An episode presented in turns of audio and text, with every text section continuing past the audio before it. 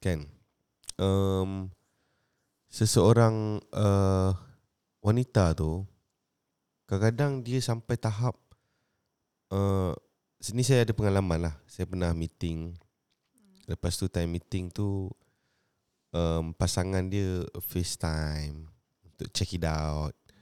Ataupun uh, mungkin kadang-kadang uh, apa ni pernah um, dekat apa ni media sosial kadang dia kata ah ni saya ni saya pakai akaun pasangan ah, macam mana apa perkara ni macam mana eh, sebenarnya konsep dari sudut wanita tu macam mana maksudnya benda tu kenapa ini berlaku perkara-perkara macam ni Kita dah bincangkan ni dengan topik sebelum ni. ya yeah. Mm-mm.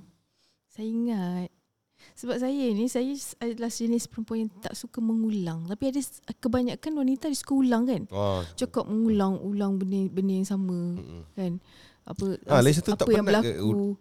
ulang benda sama Ah, apa yang berlaku 300 tahun lepas pada date sekian-sekian. Okey tapi dalam sepanjang pengalaman Ah, uh, Yalah berjumpa dengan orang Apa dari segi Daripada zaman apa ni uh, Kerjaya Zaman apa ni Perniagaan mm. Okey ber, Berpeluang jumpa dengan Wanita yang berkaliber Betul. Selalunya dia orang ada, ada tak Lebih kurang Sikap macam ni Tak ada.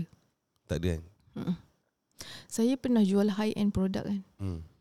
Um, bukan harga ratusan, bukan harga ribuan. Hmm. Harga ratus ribuan. Hmm. Dan saya pernah deal dengan wanita-wanita yang kita panggil tai-tai. Hmm. Tai-tai dalam bahasa Cina ni ada luxurious lady. Hmm. And um, sebenarnya hidup dia orang tak rumit. Uh, tak rumit maksud uh, dari segi macam dia mereka uh, apa uh, tai-tai mereka lebih memfokuskan diri sendiri. Adakah kerumitan hidup ni akan akan mengganggu gugat prestasi kerjaya? Yes of course. Ada pengalaman tak? Uh, Mungkin pernah ada staff ke?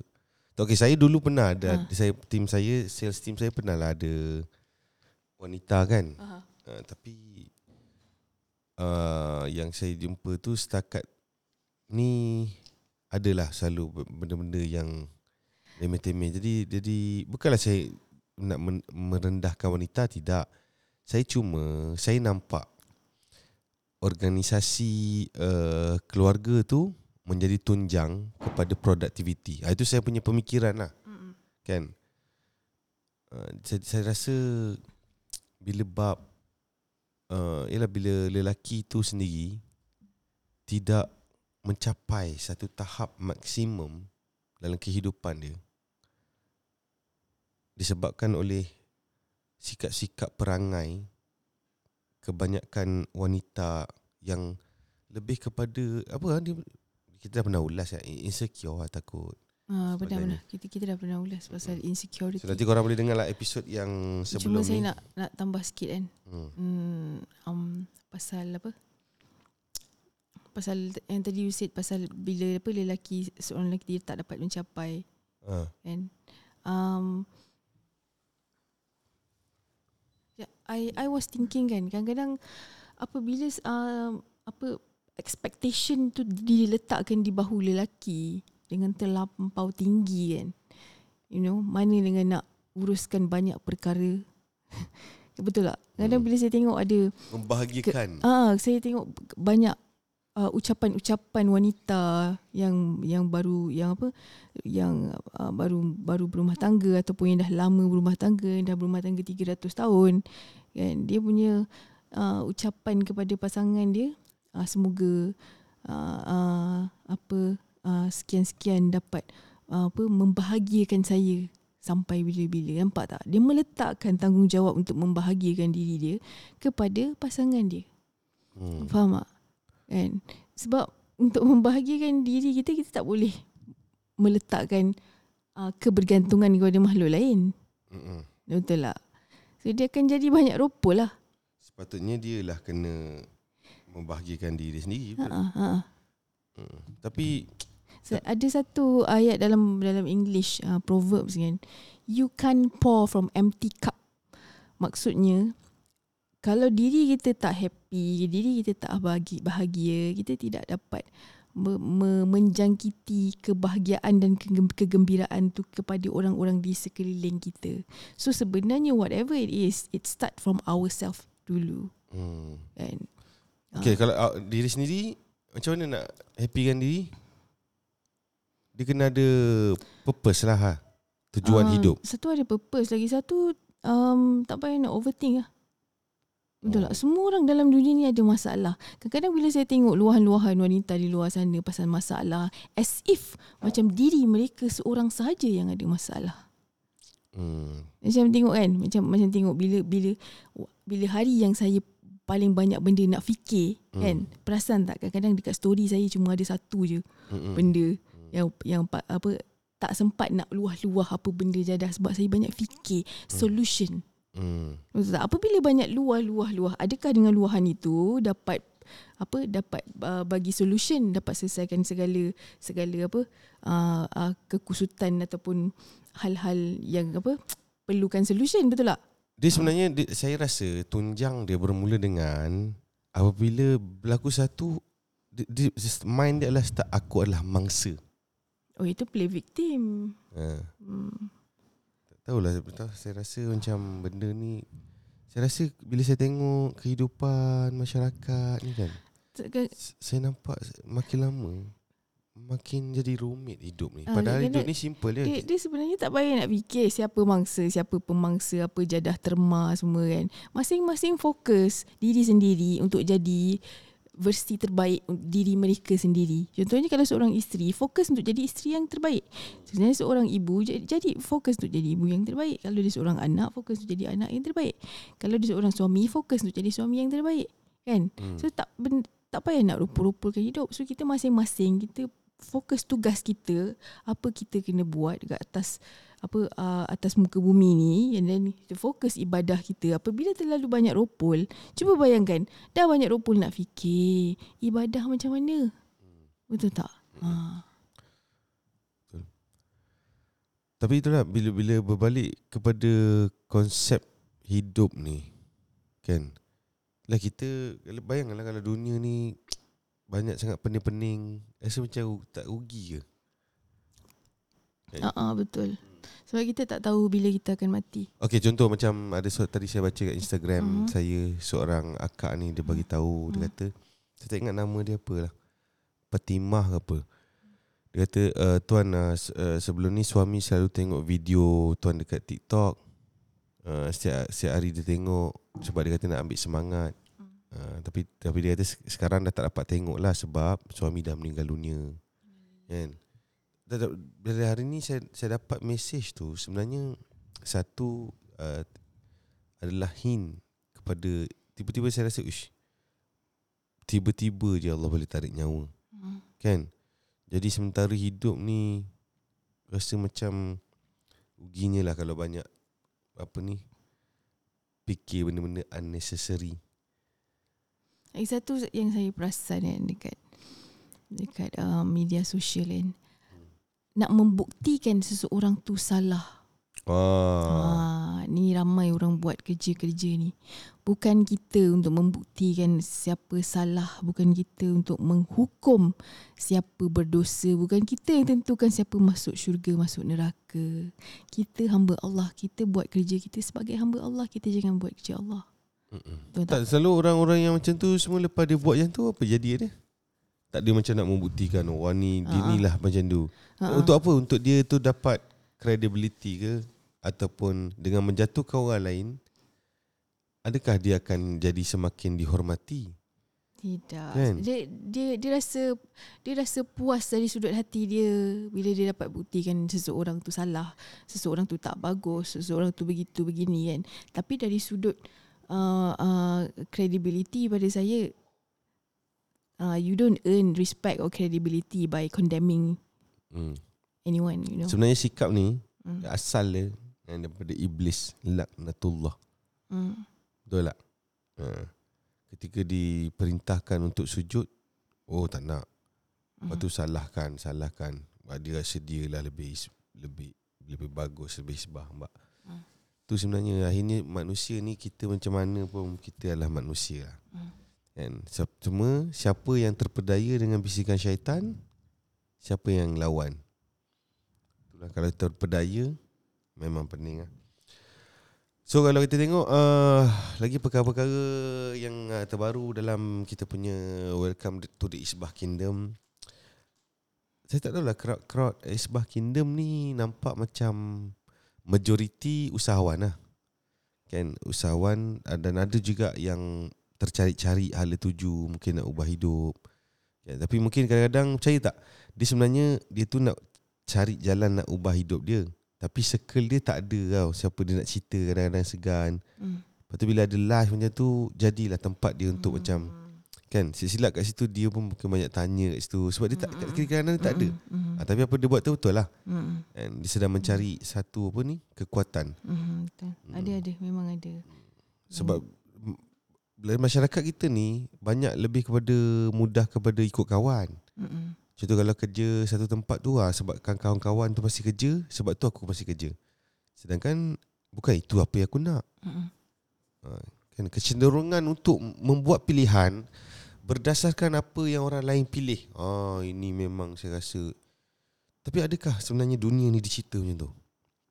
How it works world ni?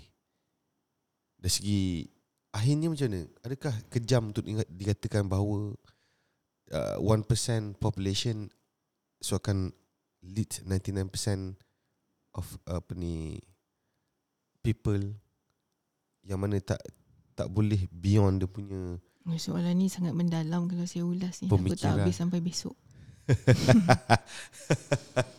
Jadi kalau nak ulas pasal 1% Tak, saya club memang- ni dia saya- sangat Saya memang deep. su- sukalah uh, apa ni nak mengkaji bukanlah kaji apa sebab kita buat bisnes kan. mm, Kita memang dealing dengan people, mm, dengan manusia.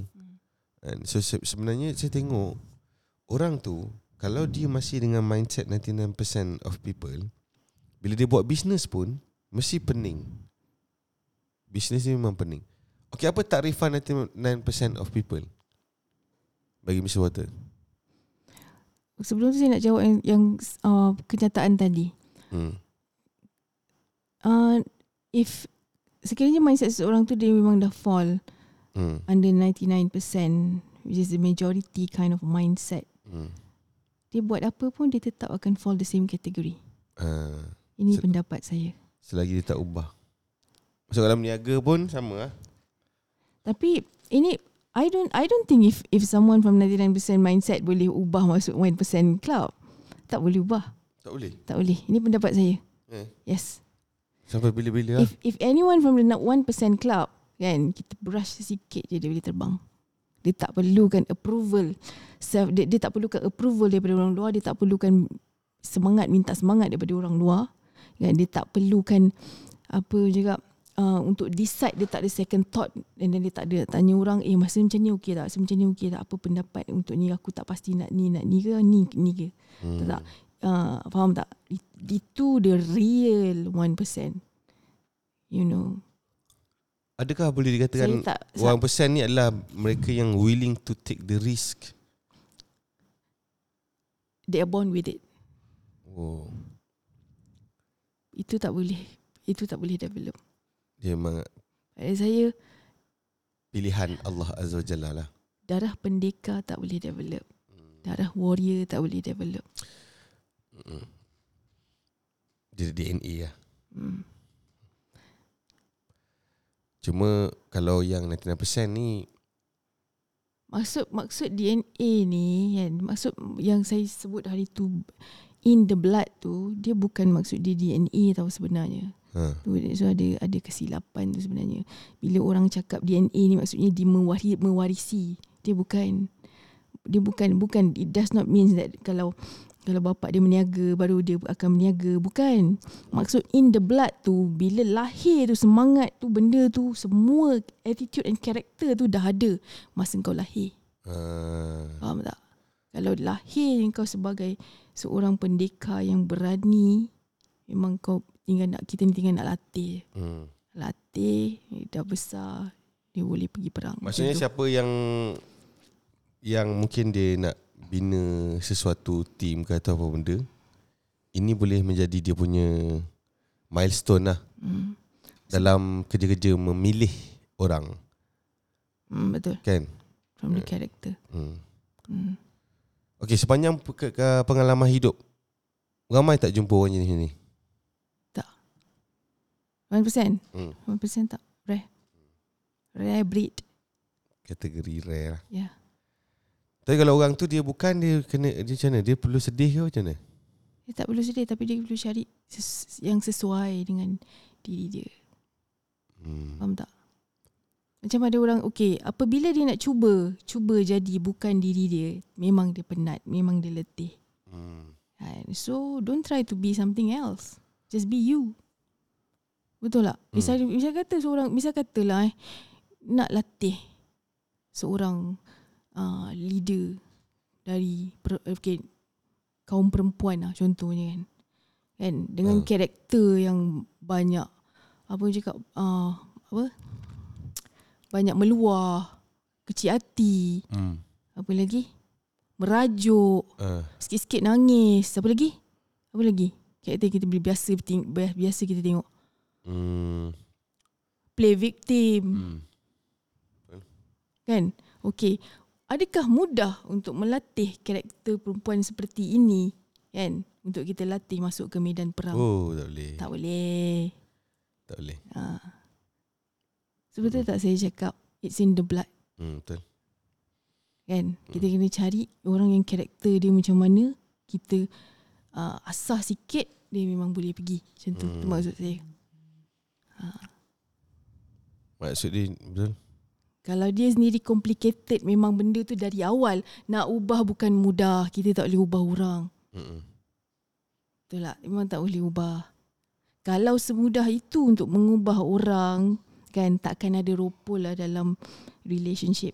Hmm. Betul tak? Hmm. Kenapa ada ropol dalam relationship? Because no, no one can can change anyone.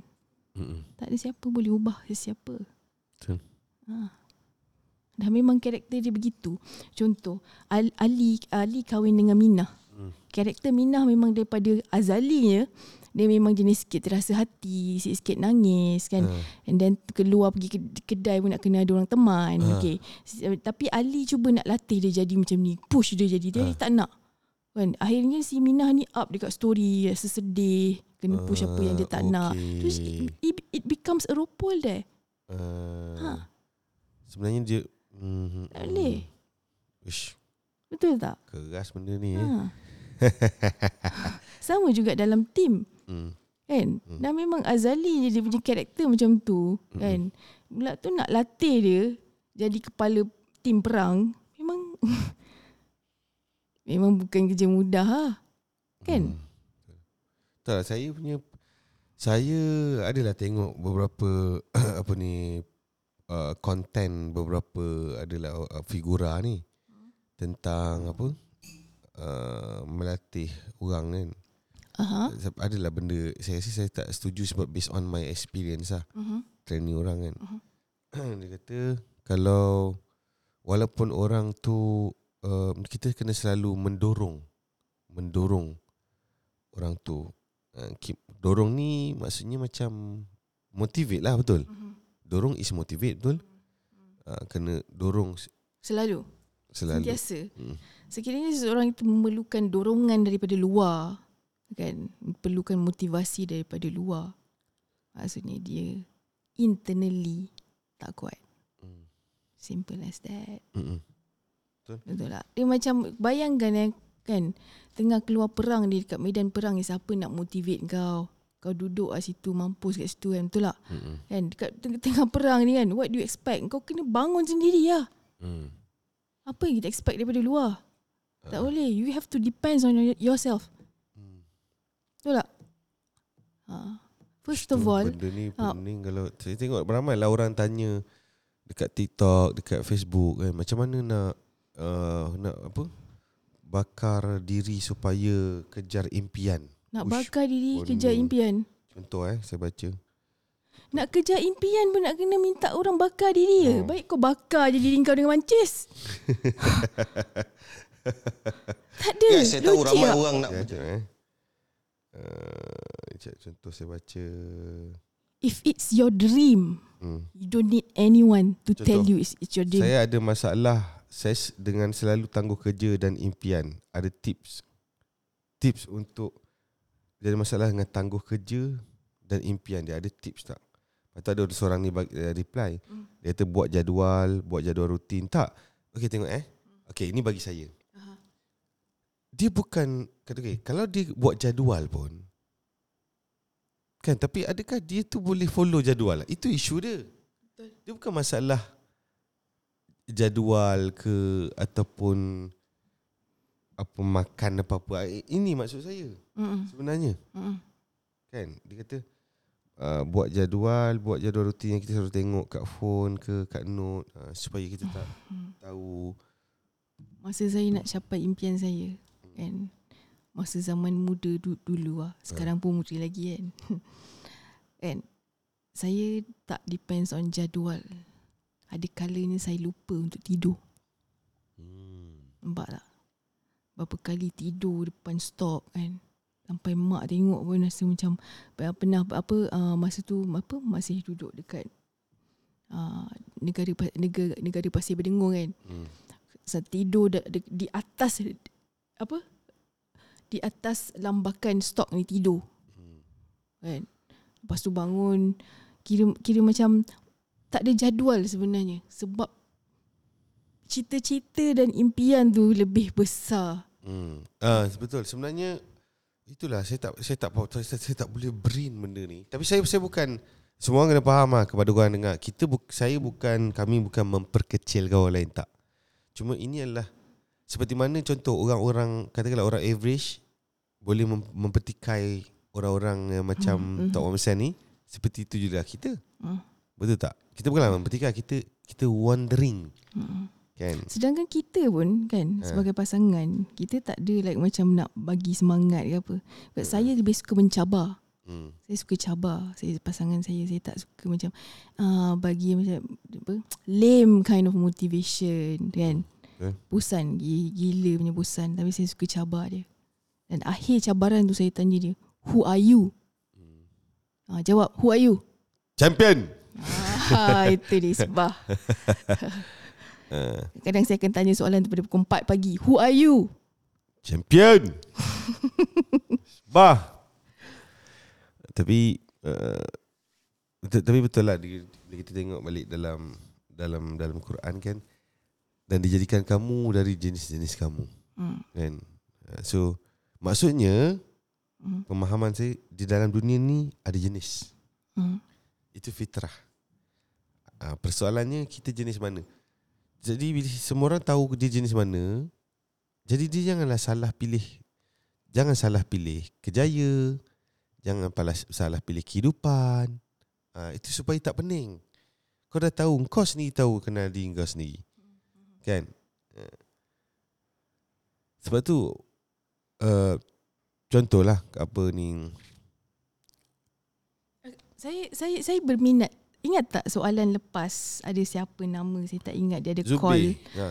bukan nama sebenar kan. Ha. Dia cakap dia kata uh, dia tanya tuan bagi boleh tak uh, bagi uh, ni macam mana cara nak uruskan masa selepas berkahwin sebab dia dia Ah, doing ha, ha. business now. Uh, uh. Okay, tak first of all kan uh, kenapa kena ajar bagaimana urus masa selepas berkahwin? Your partner yang you choose should understand your time as a business person. Hmm.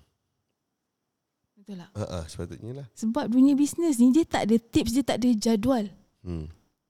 Betul tak? Mm-mm.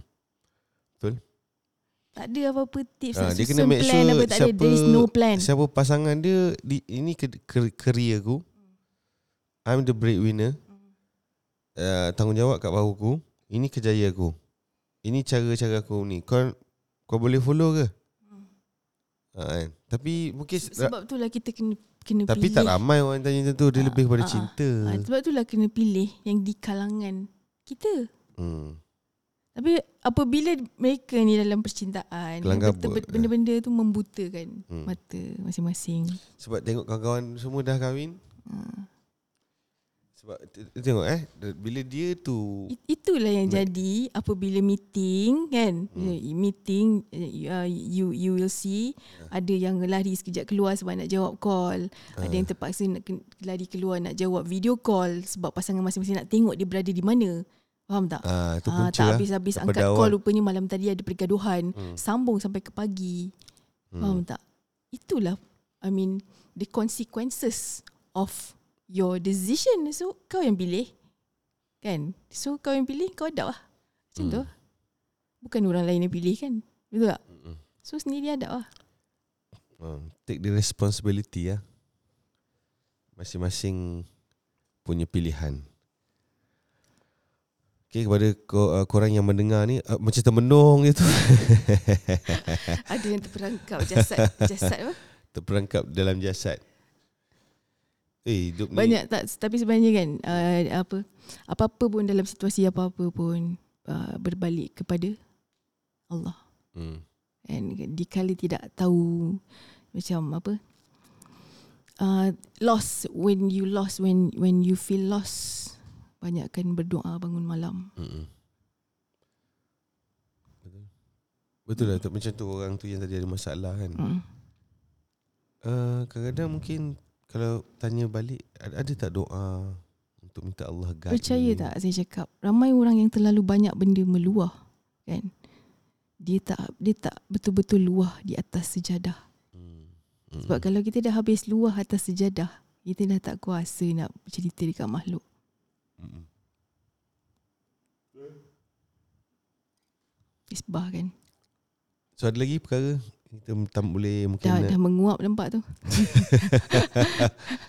bukan mudah guys untuk makluman korang. Okay, boleh tak sharing saya punya macam mana saya punya attitude saya. Ha. Attitude. Uh, work work ethic eh. ha work ethic. Saya believe on work ethic ah. Hmm. Dia memang tak ada hari cuti. Hmm. Okay. Setiap hari bangun pagi, bangun pagi, bangun pagi memang susah bangun. So saya memang kejut uh, banyak kali. tak ada kat, dah kata jawab lah, jujur lah ni. Tapi selepas dia bangun je, dia tak akan ba- baring balik. Ha, Bang, susah bangun tu sebab terlalu penat, Letih lah. letih, letih, uh, letih buat kerja yang menggunakan apa? Apa kamu cakap? main. uh, uh, kerja yang menggunakan kudrat dengan kerja yang menggunakan pemikiran sebenarnya uh, sama je letih dia. Tak? Kadang orang kata lah kerja duduk mungkin tak letih kan. Hmm. Tak, letih dia sama. Uh, and then and then okay, lepas bangun dia akan start fikir untuk konten kerja, konten kerja. Hmm. Sampai ke petang, lepas tu ada apa meeting, konten kerja. Konten kerja, meeting sampai ke malam. Dia akan berpusing balik. Dan ada kala ada kala uh, waktu sebelum uh, Kal- uh, uh, waktu dah nak terlelap mata pun dia akan sambil dia dah mata terlelap tu kan dekat mulut dia apa konten esok ah. Tapi mata dah lelap. kalau saya buntu saya, tak- saya saya tanya siapa? Apa dia? Tanya saya. Nah, kalau selalu saya buntu konten saya tanya siapa? Saya. sampai sampai sampai culik. Bukan mudah tapi saya saya ada ada goal lah. This is the price. Sebab okay, uh, ada orang dekat luar sana dia create content hmm. dari apa yang apa cakap dia create the content tu dari dari uh, cerita-cerita yang dia cipta dia reka. Hmm. Okay, bezanya Azri Walter ialah semua penceritaan itu adalah kisah benar perkongsian kami berdua hmm. dalam perniagaan. Hmm. Betul tak? So kadang-kadang bila dia dah habis konten dia, dia dia dia um, akan ambil story saya pula Hmm. mm. dalam perniagaan. So mm. diolah balik untuk dijadikan konten untuk dikongsikan kepada rakyat di sebelah kingdom. Betul. Itu beza dia. Tidak ada rekaan, tidak ada apa yang cakap apa created Eh, storyline. All true story. Tak korang bayangkanlah kita orang tengah rekod podcast ni kan. Pukul 10.36 malam. 10.36 malam. Kan. Tapi saya rasa tak ramai kot terus suami isteri yang duduk malam buat konten macam ni. Sebab kita tak anggap yang macam ni, kita tak anggap benda ni part of the work. Ah, you know, when when life. you love your job, Hmm. this is life. Mm. Sebab kita anggap benda ni sebagai kita punya rutin harian untuk hujah, hujahan. Dan saya memang suka berhujah benda-benda yang intelek. Hmm. Saya tak berminat cakap pasal gosip, pasal Kak Limah ataupun Senah ataupun siapa-siapa punya Mujahid, hal-hal eh. uh, mujahid ke apa-apa hal-hal semasa gosip-gosip semasa saya tak berminat. Lagi satu Ha, itu belum lagi bila saya buka apa uh, hujah-hujahan tentang ekonomi dunia. Ha, tapi itu untuk 1% je saya boleh share kan. Okay tengok eh. Something to ponder lah. And kita dah sampai satu tahap ni Okay Tapi Bukan apa Kadang-kadang Bila berbalik pada konsep 99% yang mindset ni Even kita tengok uh, Kat luar Ada orang yang dia struggle Jual roti Kan? Ataupun jual laksa Struggle Macam mana kita tahu struggle Simple je Sebab se- Duk promote Bertubi-tubi Betul. And simple je Kalau promote betul-betul di account personal Maksudnya struggling Tapi Bila dia tengah struggling tu Dia Macam mana dia ada masa Untuk bergosip Tentang hidup tentang Dan orang. bercakap tentang orang lain Memang patut pun kau memang struggling Hmm. Orang macam ni Hmm. Faham tak? Hmm. Sebab tu Kau kena tahu Kau memang patut pun Struggling Sebab kau sibuk Fikir benda yang tak patutnya Faham tak? Simple Okay saya ada satu teori Saya dapat satu ilham Hmm. Lepas ni Kalau ada orang tanya Sesuatu contoh Saya sendu ke apa benda Apa benda Hmm. Saya nak tanya dia Setiap hari apa dia buat Hmm. Kan hari ni kau, tak, kau ambil tahu Pasal kisah hidup siapa Hmm. Apa apa ilmu baru, apa knowledge baru yang Ah, dia Apa explore. knowledge baru yang kau tahu Hmm. Ataupun apa cerita baru yang kau tahu Hmm. Nampak tak? Itu beza tu. Okay. Hmm. Contoh uh, hari ni saya dapat apa ni explore perkara baru iaitu sebenarnya ada angle lain Hmm. life yang elok Hmm. Hmm. sana tu. Ha. Knowledge baru. Hmm. Kan? Hmm. Lagi satu um, saya juga dapat explore bahawa ada orang dalam contohlah saya saya buat content ke saya buat live kan di dalam terlalu banyak manfaat tu maka dia akan cari mata dia akan tertumpu dia akan cari kat mana yang sebenarnya tak okey Hmm. dekat orang yang menyampaikan ni.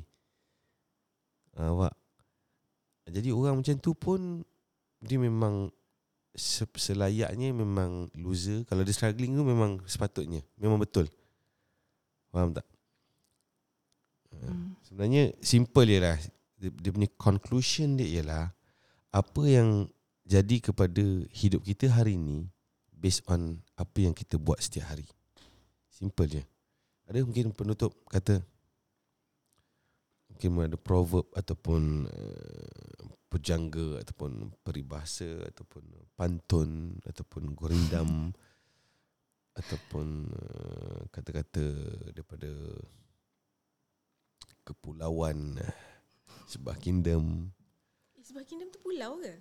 taklah Kan kan? Kita tak ada pulau ni kan? Kita, Eh guys, kepada korang yang mendengar ni podcast ni kan bila, boleh tak bila korang dengar kan saya kita nak korang kadang-kadang bu- bukan apa dalam minda kami ni ada terlalu banyak perkara. Kan tapi dia lagi bagus kalau ada orang jentik jentik untuk kami keluarkan dengan cara contoh dalam live ke korang boleh bagi cadangan tapi tu, kena bagi satu cadangan ca, ca, ca, tajuk yang mencabar lah ha, kan jangan yang bosan-bosan jangan lah bagi yang mencabar sikit. Contoh tadi live tadi saya sharing kan Hmm. mm. tentang dia orang nak buat costing, nak jual barang apa semua, nak jual berapa. Kan? So benda tu pertama sekali dia memang common sense depends on berapa kita nak untung dan apa kita punya strategi. sepanjang saya buat produk eh, daripada first Ha, sampai sekarang saya rasa more than 14 Ah. lebih daripada 14 produk. ha. Saya tak ada follow apa-apa formula jadah yang, yang lain dikeluarkan Hmm. oleh orang lain. Hmm. Sebab saya kira ikut saya sendiri. Kira saya saja yang tahu Ha. apa yang saya nak kan Hmm. untuk untuk saya for the growth of the company kan dan berapa harga yang sesuai untuk market. Hmm. Hanya saja saya saja yang tahu. Mm-mm. So why should I follow any formula out there? Mm-mm. Itu formula dia orang. Aku pun ada formula aku. Mm-mm. Betul? Tak, i- i- inilah benda kan. Ken, kenapa dulu saya rasa tak berapa isbah untuk bab matematik. Sim, Mm. saya saya punya pemikiran lah. Mm-mm. Saya bukan kata jangan belajar bukan. Tengok eh. Okey, katakanlah formula tu, prinsip Archimedes. Kenapa semua orang kena belajar sampai level prinsip dia je?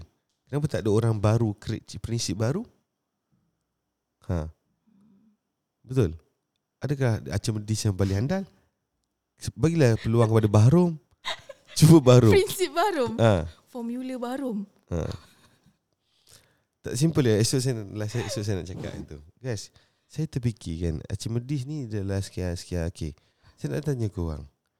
Kenapa semua orang kena belajar sampai Archimedes punya Saya- prinsip je? Saya su- suka uh, berpegang kepada uh, apa uh, saya punya saya punya uh, prinsip untuk bila kita nak buat apa-apa contoh even kita nak kira kira kita punya berapa retail price kan nak tentukan berapa retail price kan uh, saya suka gunakan prinsip okay kenapa kena begitu sebab apa kena begitu faham tak? Uh, Ke- ke- kerana apa bila ramai orang dia terlampau follow. Hmm. kan? Oh, uh, oh eh salah ni kena ikut sifu ABC punya formula. Uh, ah uh, uh, x tolak y isbah berapa kuasa 2 contoh lah kan uh, so di, uh, kenapa kena follow? Faham tak? Betul. kenapa kena kena follow first of all? Untuk Kalau- apa? ah yes untuk apa kena follow? Uh, itu yang soalan kita kena tanya diri kita. Untuk apa? Kan? Bukan kita nak cakap sipu tu aja tak bagus. Bukan. Soalan yang kita kena tanya diri kita adalah kenapa kena follow tu? Bukankah itu adalah bisnes kita? tapi ini ini only applies for mereka yang manufacture and produce produk sendiri tapi hmm. kalau you uh, adalah agent stockist atau dropship then you have to follow harga yang telah ditetapkan oleh pengeluar ataupun founder you uh, itu you tak perlu you, you tak boleh fikir banyak-banyak pening-pening dah just follow the retail price yang mereka berikan Hmm, betul. Tapi kalau dia betul handal, katakanlah dia nak dia nak untung banyak sikit nak jual mahal. Suka hati dia kalau dia boleh handal close. eh tapi uh, um, I don't think so sebab dia dia kena follow benda tu you kan Oh, kalau dia keluar retail pun kena jaga kan? Yes, melainkan kalau dia ada dia uh, adalah apa ni? distributor dan beli wholesale. Dah beza tau. Distributor dia tidak tidak terlibat dengan sebarang agreement ataupun uh, apa uh, SOP ha, penetapan harga. Tapi kalau agent, stokis ni semua dia memang kena follow harga. Hmm. Uh, Sebenarnya sistem tu semua matlamat dia volume ha. Hmm. Kan? Sama macam franchise. Semua tu tujuannya supaya untuk dapat volume. Untuk dapat volume tu kita kurangkan untung kita supaya kita boleh bedak orang lain boleh dapat untung dia. Itu itu itulah formulanya. Lepas tu macam mana berapa persen tu semua kau bergantung kepada diri kau. Yang penting persoalan di sini ialah kenapa hanya kita perlu prinsip Archimedes? Kenapa tak ikut prinsip Bahrum itu je. Yang itu dah sampai sekarang saya memang tak hati bab tu. Okay macam Pythagoras kenapa Pythagoras why? Kenapa tak boleh lain uh, Zubaidi ke? Mujahid memang kita tahulah dia tak boleh ingat eh